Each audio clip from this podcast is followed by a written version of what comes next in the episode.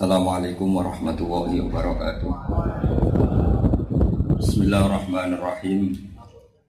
Tabarakalladzi nazzala al-furqana ala 'abdihi liyakuna lil 'alamin nadhira. Allahumma shalli wa sallim ala sayyidina Maulana Muhammadin wa ala alihi wa sahbihi asma'in nama ba'du. Semua para kiai, para habaib, sahabat negara semua yang saya hormati khusus saya juga guru kita semua Kiai Jirobi Mabrur wabil khusus Bupati Rembang Kiai Haji. Bukan ini saya hormati Bupati saya dulu. Karena karena kemarin dia datang ke saya komplain saya tidak pernah datang ke pendopo Rembang. Jadi korbannya ada hanya Bupati Tuban tapi juga Bupati Rembang. Jadi klaim-klaim korbannya hanya Bupati Rembang ini agak hoax. Bupati Rembang kemarin datang ke saya dua kali. Tidak juga hanya bupatinya. Itu juga undang saya, saya bisa. Karena sebetulnya simpel. Semua sepakat Kiai Haji Hafid. Yang satu Kiai Haji Buddha, Buddha, Buddha. Jadi ojo sampai nguyai segoro. Jadi saya belum pernah Kemarin Kiai Haji Robah Maksum juga datang ke saya minta ngaji. Saya juga belum bisa nuruti. Karena sudah Kiai Haji semua. Itu kan bupati yang Kiai itu yang ma'ruf kan tiga. Kiai Haji Habib, Kiai Haji Fatul Huda, Kiai Haji Robah Maksum. Nah ini sebagai hormat saya sama Kiai Mabrur. tema kali ini agak serius karena kita tahu Kiai Mabrur termasuk Kiai yang serius. Saya menangi beliau banyak karena juga teman bapak saya uh, saya menangi ketika beliau agak polemik fikih dengan Mbah Mun tentang masjid dan saya suka polemik itu karena saya suka polemik ilmiah. Dan itu tidak masalah dalam tradisi perdebatan para apa ulama jadi saya tahu betul kalau Mbak Mabrur termasuk jenis kiai yang apa? Serius. Uh, sebagai penghormatan saya nanti setidaknya seperempat jam saya akan serius. Dan zaman nggak boleh tertawa harus serius terus. Uh, begini Nabi Ibrahim diangkat sebagai Khalilur Rahman. Mungkin kebanyakan orang itu melihat karena kasrotu ibadah, karena ibadahnya banyak. Tapi sebenarnya itu enggak. Nabi Ibrahim diangkat jadi Khalilur Rahman karena kepeduliannya memaklumatkan kebenaran.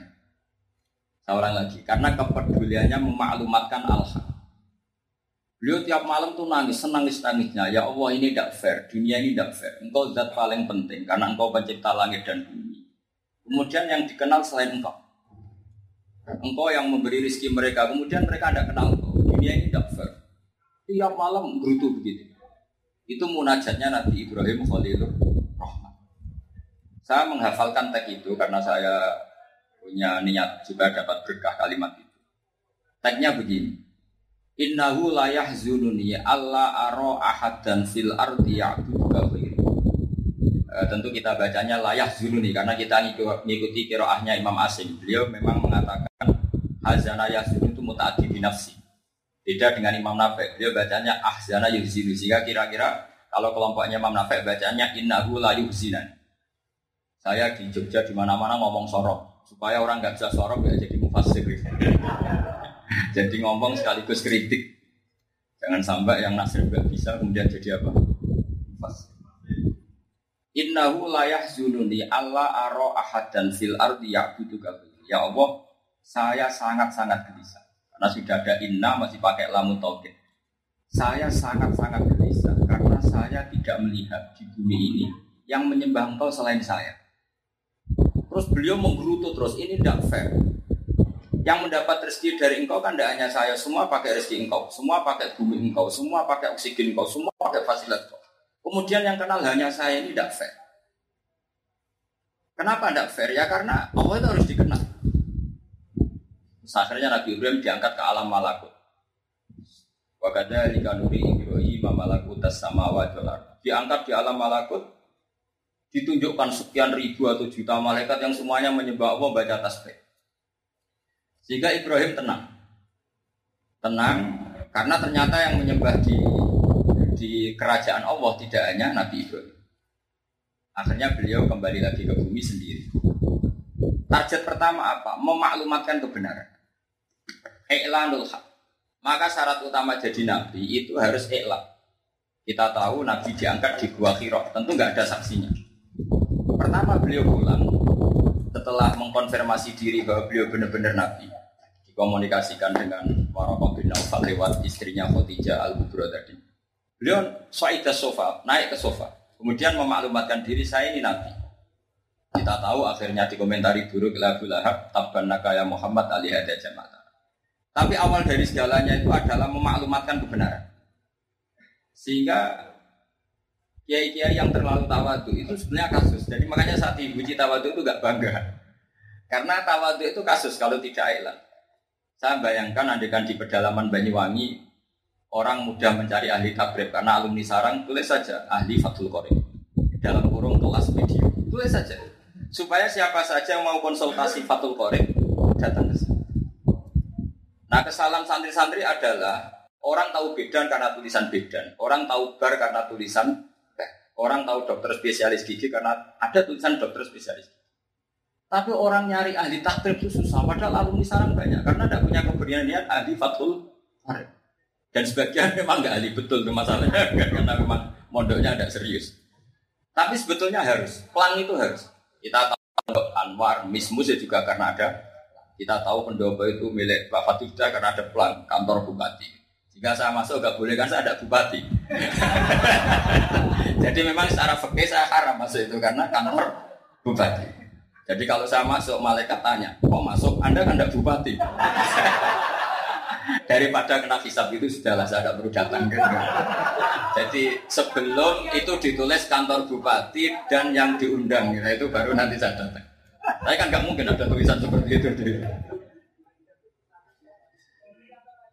Jadi ini pentingnya, penting saya utarakan. Jadi kerisauan seorang Khalilur Rahman adalah ketika Allah layu roh tidak dikenal. Sehingga para wali, para ulama itu tajud pertama itu memaklumatkan Allah. Allahu Akbar, Allahu Akbar. Pakai azan, azan luhutan alilam, dimaklumatkan. Sehingga saya di Jogja itu mulai ketemu orang ateis, orang salafi, orang ekstremis. Kalau itu yang dikaji tentang ulumul Quran, satu tetap datang. Termasuk ketemu kelompok yang macam-macam yang mudah ngafirkan orang Sebagian mereka juga akhirnya nggak nggak terlalu takfiri. Saya pernah tanya ke mereka, Laukana Rasulullah Shallallahu Alaihi Wasallam hayyan ayar do ayu farroko huwa bena huwa bena umat. Andai kan Nabi itu suka, apa beliau ridho? Beliau kamu pisahkan dengan umatnya, dengan kamu menstatuskan umatnya sebagai kafir. Ironisnya kamu mengkafirkan umatnya berdasar dawe kanjeng itu ibarat kan saya punya anak nakal, kemudian kamu provokasi, Gus ojo aku anak, itu sama mesti tersinggung. Soal nakal biar nakal itu anak saya paling banter tak beri kasih sanksi, uang jajan tak kurangin. Tapi kalau ada tonggong provokasi supaya tidak saya aku anak saya pasti tersinggung. Rasulullah itu asyad tuh hubban di ummati. Sampai beliau tahajud itu karena minta hak syafaat. Dan hak syafaat itu diberikan sama orang yang salah memang dari awal Nabi ngintikan syafaat li ahli kabair min ummati.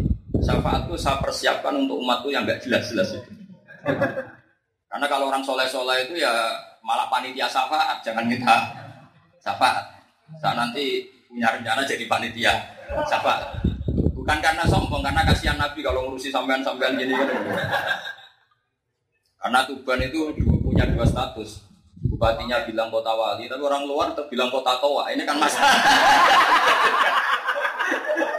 ini dua nama yang adu nyata kan. Kalau melihat Mbak Mabrur ini ada Mbak saya Gusmat itu ya kota santri, tapi tetap saja yang dijual di jalan-jalan itu oh bukan tasbih. Jadi ini kan yang benar mana? itu kan ya sama-sama benar kan. Yang kawasan sini kan jualannya tasbih yang sini, yang sana-sana tidak tahu. Karena saya tidak pernah beli. Jadi pertarungan benal haki wa benal badil dimulai dari pemakluman, memakluman. Sehingga nggak apa-apa, meskipun faktanya masih banyak dijual tua, nggak apa-apa kita maklumatkan bahwa ini kota apa? Wali. Karena hadadin itu dimulai dengan maklumat, dengan iklan. Ketika Fir'aun merasa sebagai Tuhan, ketika Abu Lahab merasa sebagai penguasa Mekah, para nabi tetap bilang, hadihi arduwa, ini bumi Allah, bukan bumi kami. Ka'bah juga disebut Baitullah. Meskipun saat itu dikuasai Abu Jahal CS yang ada Lata, ada Hubal, ada Uzza dan sebagainya. Maka ketika saya datang ke Korea, saya datang ke Korea, alasan saya memang tidak. Eh, Gus Robi tentu masuk guru, pernah sepuh. Sama yang ketiga itu saya menentukan. Itu biasanya di desa-desa binaan. Atau orang Korea itu lama ngaji saya, ada enam tahun ngaji saya di Jogja. Karena rata-rata ketuanya itu orang Jogja, orang Solo Raya. Ketika saya datang ke Korea, saya di sana empat hari, lima hari. Itu yang unik. Yang unik dari ajaran itu apa? Saya pernah tahajud, pernah ya Allah. Makna pokok kalimat ini saya paham, tapi saya tidak paham maksud. Allahumma rabbana lakal hamdu mil'us samawati wa mil'ul ardi wa mil'u ma syi'ta min. Faktanya di bulan bumi sana ada yang nggak ada tasbihnya. Padahal engkau bilang bahwa pujian kepada engkau yang memenuhi langit dan memenuhi bumi. Lalu fakih babi ardil mu'attilin.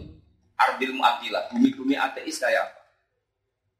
Singkat cerita saya semacam dapat satu apa ya, satu pemahaman bahwa itu tetap iya. Ternyata betul. Orang Indonesia yang di Korea Selatan itu 49 ribu. Dan itu 80 persen mereka sholat dan peduli ingin bikin masjid. Meskipun masjidnya sewaan, jadi jangan difeki pakai madhab sapi. Ini wakaf kok tidak mu'abad. Sudah ada usah fakih-fakihan, pokoknya amal itu baik gitu. Atau pakai figuda. Sehingga kadang bawah itu bar, atasnya lagi gereja. Pol atas masjid, kadang masjid, bar, gereja. Saya beberapa kali pengajian di sana mau ke masjid lewat gereja dulu. Kadang lewat bar dulu. Pernah ada anak-anak Indonesia bilang, saya pernah mau Jumatan terlambat 20 menit. Masuk bar dulu, tertarik, tak nikmati baru Jumatan. Karena harus melewati bar. Nah, pertanyaannya begini. Ketika terjadi ikhtilatul haqqi wal batil atau al-ikhtilat bainal haqqi wal batil. Lalu Allah lebih suka penamaan apa? Ini ardul muwahhidin atau ardul mu'attilin. Bahasa Arab modern kalau e, bilang ateisme itu apa? Al mu'attilah. Kalau yang partainya namanya Suyu'i, biasanya kalau orang bilang komunis itu Hizbus Suyu'i. Paham ya? Tapi kalau untuk e, akademiknya dibilang apa? Al mu'attilah. Ini penting saya tegaskan karena kita kajiannya akademik sangat-sangat akademik. Ketika ketika saya mengkaji beberapa khazanah, Allah itu lebih suka penamaan dengan hak, meskipun itu tidak nyata. Li anna Rasulullah yuhibbul fa'la karena Allah Rasulullah itu suka tafal. Jika orang Arab kalau perjalanan jauh yang potensi bahaya, itu bahasa Arabnya sebenarnya mahal, tempat yang bisa membunuh karena di belantara. Tapi bahasa Arab mahalik itu nggak ada, yang ada mafawis. Mafawis menjamu fausin. Jadi justru mahalik oleh orang Arab disebut mafawis. Itu mintori kilfa'li karena orang Arab itu suka apa? Tafaul. Itu ajarannya Rasulullah Shallallahu Alaihi Wasallam. Sehingga bahasa Arabnya gurun pasir yang bahaya bukan mahalik tapi mafawis. Seperti itu ban ya sudah ada katakan saja kota wali. Jika nggak jadi wali malu. Meskipun ya agak perjuangan, Daripada dikatakan kota tua, yang nggak minum tua harus minum mas sebagai jati diri kan gitu. Masa sudah dinamai kota tua kita ada minum. Tapi kalau dikatakan kota wali, yang nggak wali kan malu. Sehingga yang nggak wali keluar dari Tuban. Yang boleh di Tuban hanya apa? Wali. Tapi ya wali-wali kelas punya anak putri. Ya wali kan kelas-kelasan, tidak perlu jadi wali kayak wali songo. Malah ada sopan kalau nyanyi wali songo. Nah ini penting saya utarakan. Jadi Akhirnya Nabi Ibrahim karena kepedulian itu, kepedulian saya ini susah ya Allah, sesusah-susahnya. Karena yang tahu engkau Tuhan itu hanya saya. Makanya banyak ulama mengatakan semua kata ibadah di Quran itu maknanya makrifat. Jinna wal insa illa eh. Karena yang dikatakan ibadah menyembah Allah dan menyembah Allah dimulai tahu Allah itu siapa? Siapa? Maka awal wajibin alat insan bukan ibadah tapi makrifat. Lalu makrifatullah itu apa? Ya wilayahnya ulama, ulama yang tahu, yang bisa menjelaskan Allah itu siapa. Saya pernah ketemu sama dokter ateis tanya, Pak Bahak, saya tidak mau Islam selagi Anda tidak bisa menjelaskan tentang konsep Tuhan. Terus saya bilang gini, ini diskusi ala goblok apa ala orang pinter? Ya ala orang pinter, saya ini dokter. Terus saya ngambil gelas tak tumpahkan. Ini tumpah ya, sebabnya apa ya? Anda tumpahkan. Terus gelas ini kalau saya pecah sebabnya apa? Sebabnya Anda pecah. Ya oke, berarti kamu harus bilang bumi ini kenapa wujud? Apa saya harus bilang nggak ada sebabnya atau ada sebabnya? Kalau kamu bilang nggak ada sebabnya, maka diskusi ini menjadi bodoh. Oke, ada sebabnya lah ya. Penyebab itu oleh Islam disebut Tuhan. Maka dalam ilmu mantek sebetulnya kata Allah itu nggak ada. Yang ada Allah, yang ada disebut musabibil asbab. Al alam mutaghayyir wa kullu mutaghayyir hadis la budda mim muhtis. Alam ini ada. Kalau ada pasti diciptakan oleh wujud. Tidak boleh sesuatu yang ada diciptakan oleh sesuatu yang tidak ada. Fa'innal adama la yakhluqu wa la yu'athir. Namanya sesuatu yang nggak ada pasti nggak bisa jadi faktor. Kalau alam ini wujud, pasti faktornya sesuatu yang wujud. Karena faktor ini penyebab, kita sebut faktor yang kausa prima. Atau dalam bahasa tauhid disebut musabbibin asbab. Nah itu oleh Islam dinamai Tuhan atau dinamai Allah. Tapi kelirunya dai-dai kadang bilang langsung Allah, makanya mereka nggak paham. Allah itu siapa? Nah sebetulnya Quran itu pakai manhaj yang saya utarakan tadi. Quran itu di awal-awal turun tidak pernah nyebut Allah. Iqra bismi rabbikal ladzi khalaq. Bacalah dengan nama pencipta. Kemudian setelah surat Iqra, surat Mudathir ya ayyuhal mudathir kum fa'anzir wa rabbaka fakabbir. Bukan Allah fakabbir tapi wa rabbaka.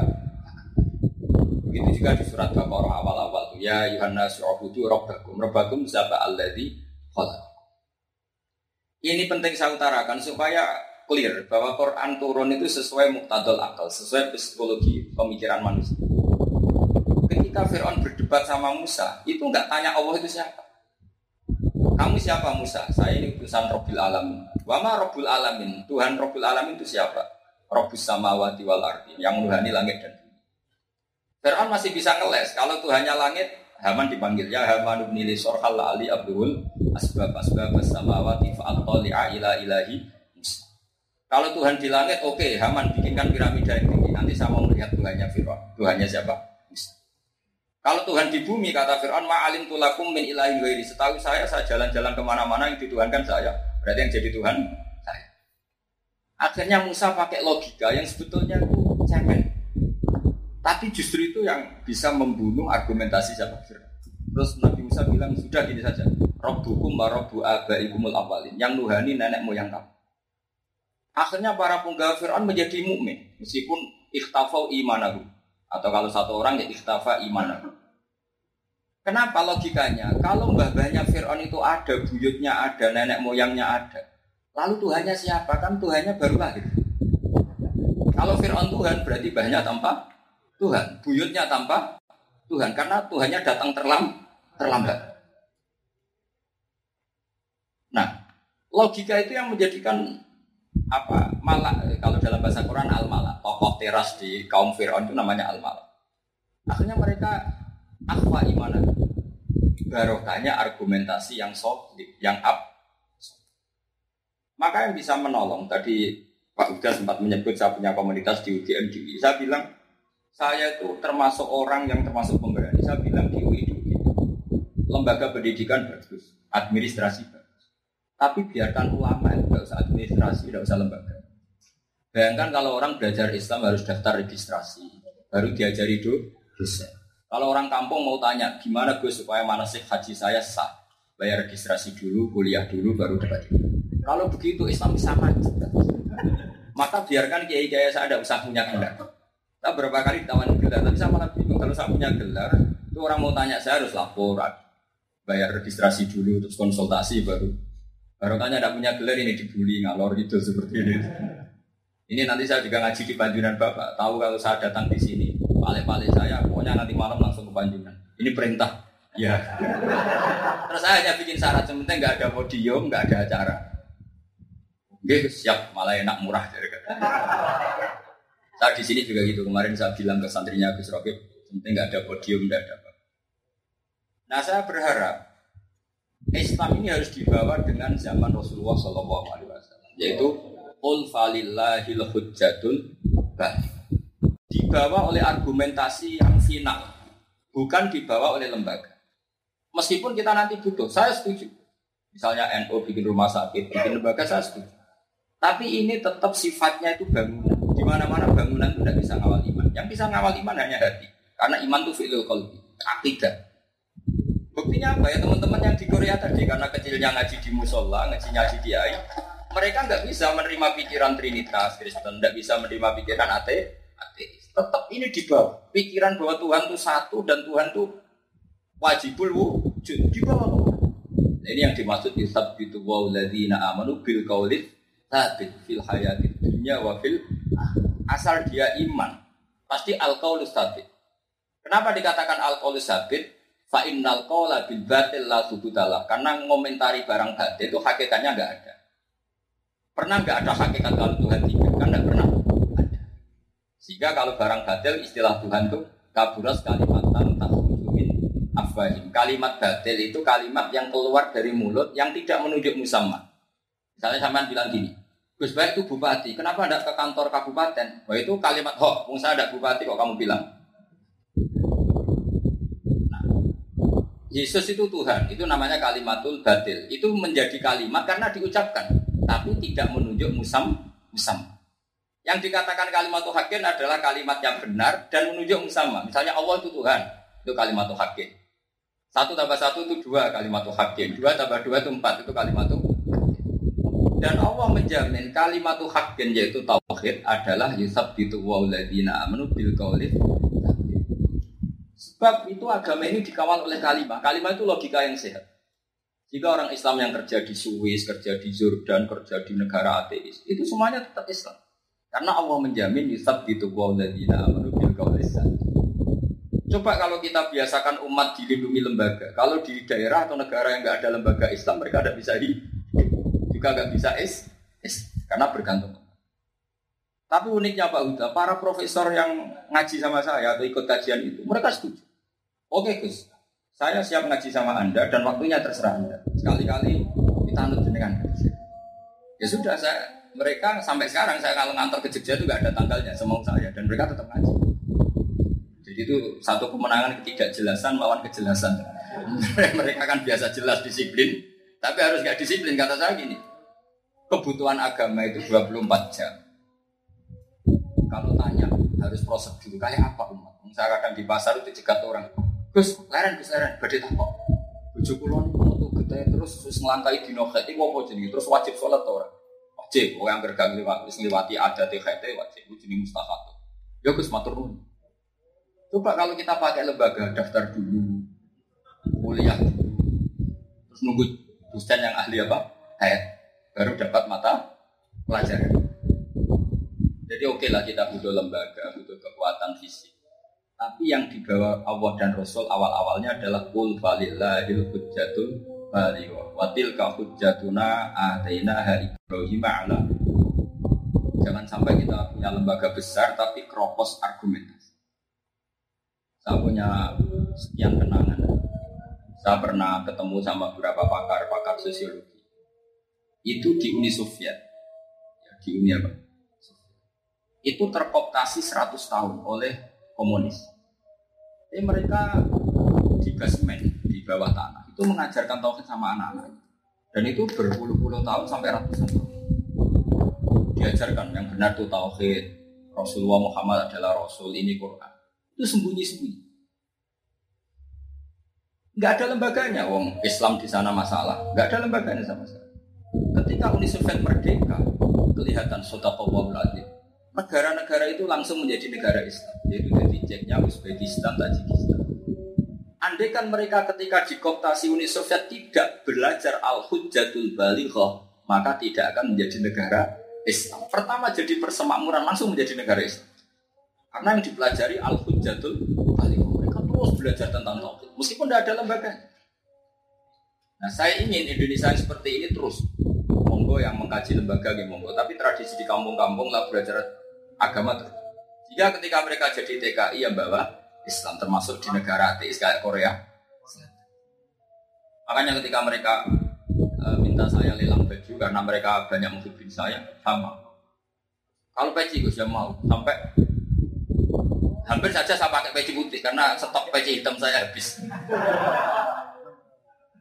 Nah kalau sama tanya kenapa saya jarang pakai peci putih itu memang korban fatwa dulu.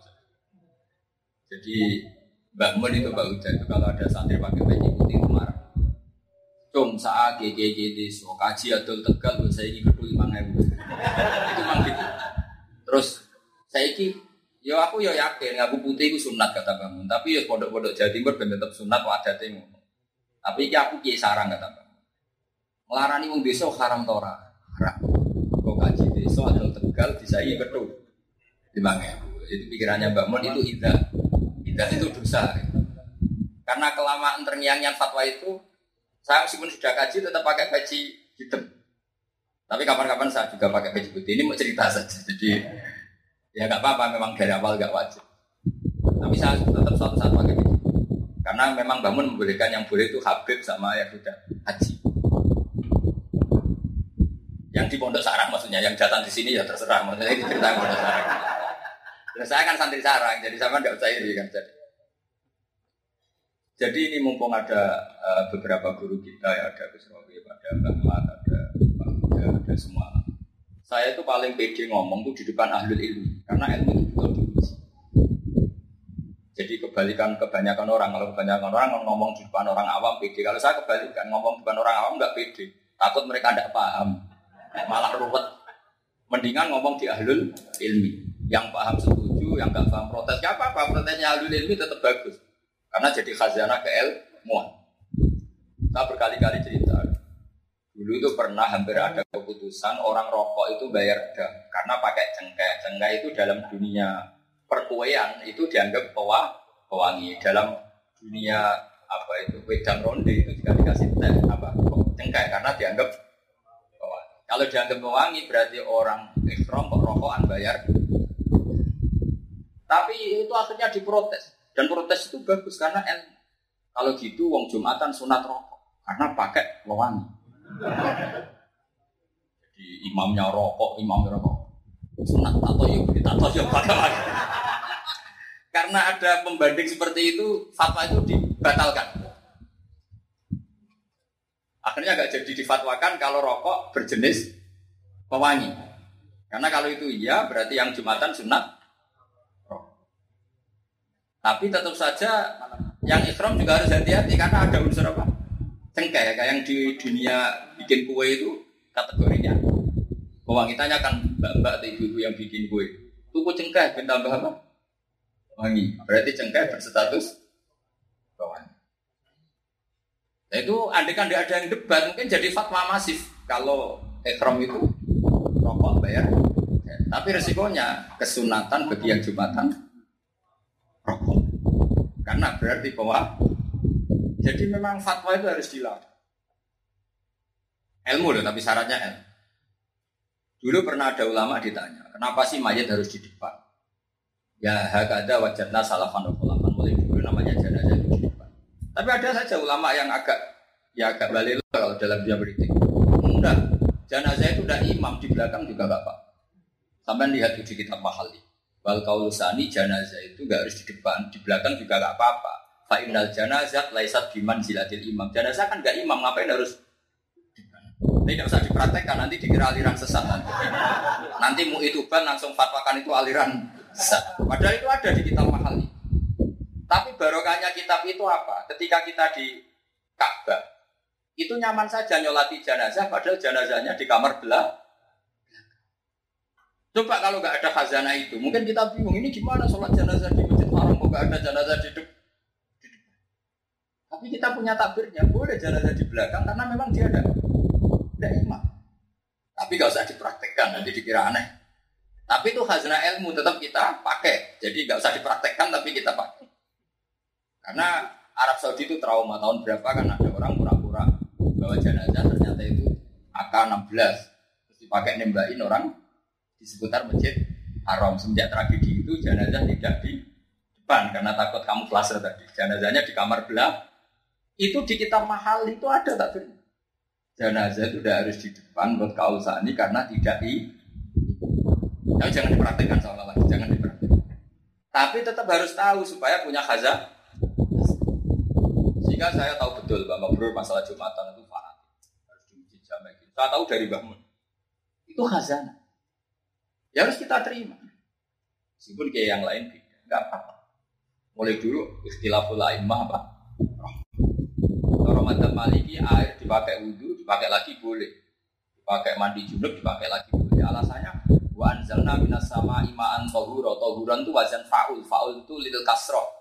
Kalau Allah ghafir sering mengampuni disebut ghafur. Allah syakir sering terima kasih disebut syakur. Allah sering belas kasih disebut rahu. Berarti ma'an tohuro ema'an yutatoh harubihi marrotin. Ini air bisa dipakai mensucikan berkali kali karena tohur wazannya faul. Tapi Imam Syafi'i enggak. Cara berpikir Imam Syafi'i setelah dipakai basuh hadas, hadasnya pindah di air itu. Berarti air itu berhadas. Sudah tidak punya kekuatan mensucikan lagi. Jika dalam fikih Syafi'i dikenal ada mustah.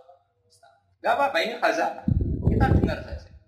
Barokahnya kita dengar suatu saat kita mengalami kondisi tertentu ya ikut saja madzhab Maliki. Gak apa-apa. Makanya ilmu itu harus didengar cocok data. Seperti kritik Pak Uda pada saya harus didengar cocok data. Cocok. ya gak apa-apa. Itu fair. Apa? Saya punya alasan juga fair karena di situ tulis kantor bupati. Kalau saya masuk, udah bupati kok masuk. Kecuali digandeng dari depan Pak Uda. Tidak digandeng berarti nanti lo kok masuk digandeng bupati.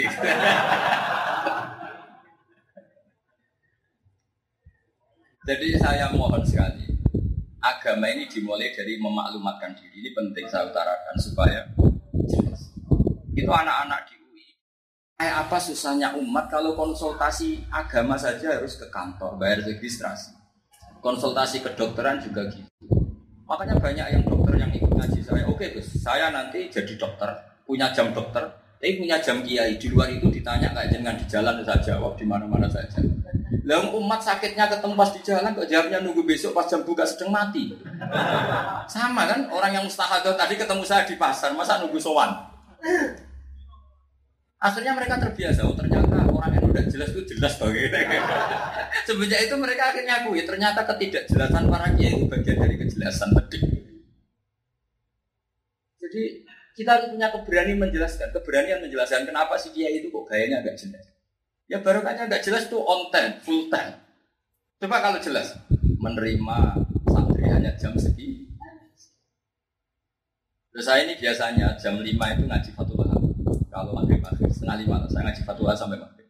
Berhubung saya dari akan ke di sini tadi pagi jam 7 saya ngaji sampai jam 8. Jadi apa takjil. Karena sore ini saya mau ngaji di sini. Jadi tapi tetap jelas saya tetap ngaji meskipun pakai takjil. Coba kalau kita konsisten jam, kalau enggak jamnya ya perai saja. Dan seharusnya pergi kan terus perai terus. Jadi ini penting saya utarakan. Problem kita adalah setelah NO besar itu terus dilembagakan. Terus kita nganggap lembaga ini segala-galanya. Oke kita sepakat manfaat memang lembaga itu manfaat. Oke manfaat UI manfaat. Tapi para penyuluh yang low profil itu yang manfaat karena yang bisa mengawal Islam adalah al hujjatul bali wa yusabbitu wa ladina amnu bil qauli tsabit. Kaul itu mana nih logika? Karena orang Islam Indonesia diajari ilmu mantek.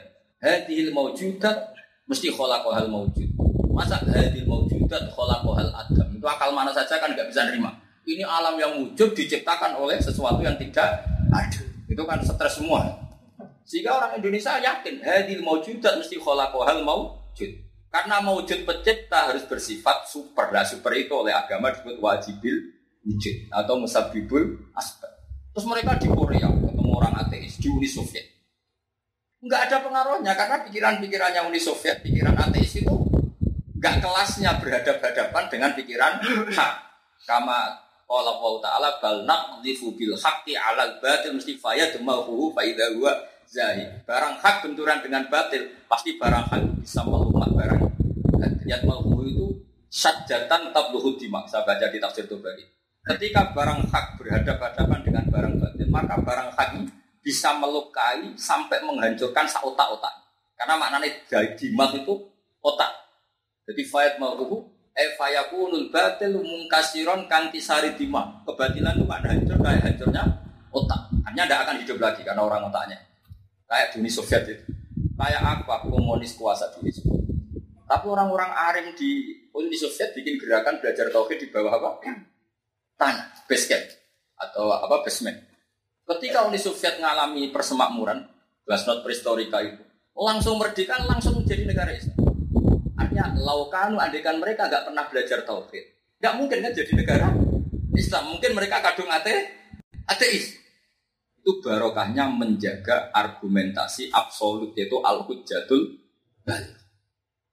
Makanya saya mohon sekali oke, okay, sama tur ke PBN, oke okay lah kita jaga pakai lembaga, tapi yang paling bisa menjaga itu al-hujjatul balik. Dalam tafsir Senawi dikatakan, Fa'inna hisbawah humul ghalibun. Ebil hujjah wal barohin la bisaulah. masih ingat betul. Yang bisa mengalahkan agama lain hanya al-hujjah wal barohin, bukan saulah, bukan kekuasaan. Karena kalau kekuasaan itu fluktuatif. Tapi kalau al-hujjah pasti absolut. Karena nggak mungkin argumentasi tauhid kalah dengan argumentasi non non. Itu disebut itu wa amanu bil qawli di hayat dunya. Jadi saya tadi sebagai penghormatan saya sama Pak Mubrur saya ngomong serius meskipun itu tidak tidak kebiasaan saya. Saya itu memang biasa pikir serius, tapi penyampaiannya agak rileks. Tapi ini serius sebagai bentuk penghormatan saya sama Pak Dan saya kira ini cukup. Nanti kalau ada yang tanya, jangan curhat. Biasanya orang NU nak takut itu. Ya Gus, caranya ngalim kok jenengan. Ngaku dewi gue reso ngalim nawakku persane pangeran tidak jawab. Nah takut caranya bodoh tak jawab karena saya pernah bodoh lama jadi caranya bodoh harus diwarai. Nah caranya pinter ya untuk pangeran. Jadi nah yang jelas saya ingin tak tradisi-tradisi kalimat hakin alihya nahya wa nabu. Jadi kalimat hakin maknanya itu rangkaian logika yang hak. Maknanya rangkaian logika yang hak tadi satu tambah satu dua dua tambah dua empat itu kalimat hakin rangkaian kalimat yang maknanya hak itu kalimat yang menunjuk musamanya. Memang satu tambah satu dua dua tambah dua empat. Nah, itu kalimat hakin. Yang Tuhan siapa Allah. Yang Rasul siapa Muhammad. Muhammad Rasul itu kalimat hakin. Sehingga menjadi kalimat karena menunjuk musamma. Kayak ini misalnya, ini misalnya lata sama ubah. Ini apa? Oh itu Tuhan. Wah itu kalimat hok. Itu batu yang dipahat. Itu baru kalimat tuh hak. Maka semua kesalahan dimulai dari inhiya illa asma'un samaitumuha antum ma'a ba'ukum. Wong batu yang dipahat kok kamu katakan Tuhan. Akhirnya kamu terjebak bilang mengatakan Tuhan. Paham ya? Coba kalau dari awal Lata dan Uzza, wah ini ini dari Ponorogo.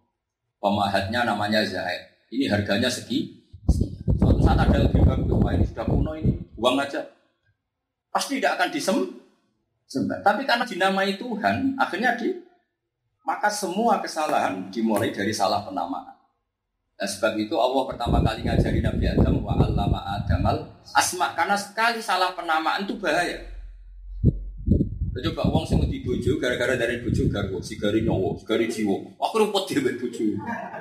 Ana wong sing otoriter darani bojo kanca wingking, ora tau dilibat uru urusan. Nah saya ini jenis baina huma, ya udah begitu, udah begitu. Makanya saya jarang pergi sama istri. Istri saya umroh sendiri, haji sendiri saya. Ya kadang-kadang bareng. Sama tahu lah, tentu jam barengnya suami istri kapan. Karena tadi saya itu mangkal sama istilah garwo, sigari jiwo. Wong darani bojo, wah sama narono bojo padha karo mati. Lagi tinggal tolong dino kelabakan. Jadi salah penama. Kok seneng cawe itu ra jelas solihai gak jelas terus itu cinta mati. Cakup kula melek seneng nanti kono. Jadi Allah itu mengkritik manusia itu karena India illa asma'u sampai itu antum. Terus Allah mengajari kita tradisi mantek. Jika kalimat itu tidak benar, maka dinamai kalimat karena tas ujumin afwahihi. Misalnya saya bilang gini, Fir'aun itu Tuhan. Kalimat Fir'aun itu Tuhan adalah kalimat karena keluar dari mulut. Tapi tidak ada artinya karena tidak sesuai fakta. Makanya Allah kalau ngertikan kaburas kalimatan takhruju min afwahim iyaquluna illa Ayat-ayat seperti ini jarang yang mengkaji. Makanya saya tadi mengatakan, pertama kewajiban seorang alim adalah memaklumatkan ilmu. Dengan dimaklumatkan orang mau belah. Tapi enggak, kadang orang alim kok. Bikin plang saja enggak mau. Ya, saya enggak bisa disalahkan, bodoh saya ada plangnya, LP3 iya, lembaga kajikan Quran. Kalau udah enggak bisa disalahkan, jelas ditulis bupati. Jadi yang nyari jelas di situ, bukan di talon. Ini karena banyak temannya bapak saya, saya dulu sering diceritain jadi background itu. Itu banyak anak talon sampai sekarang banyak muda di sana. Tapi ini kalau pertemanan kemudian dikonversi harus mau diundang itu itu mulai tidak ikhlas.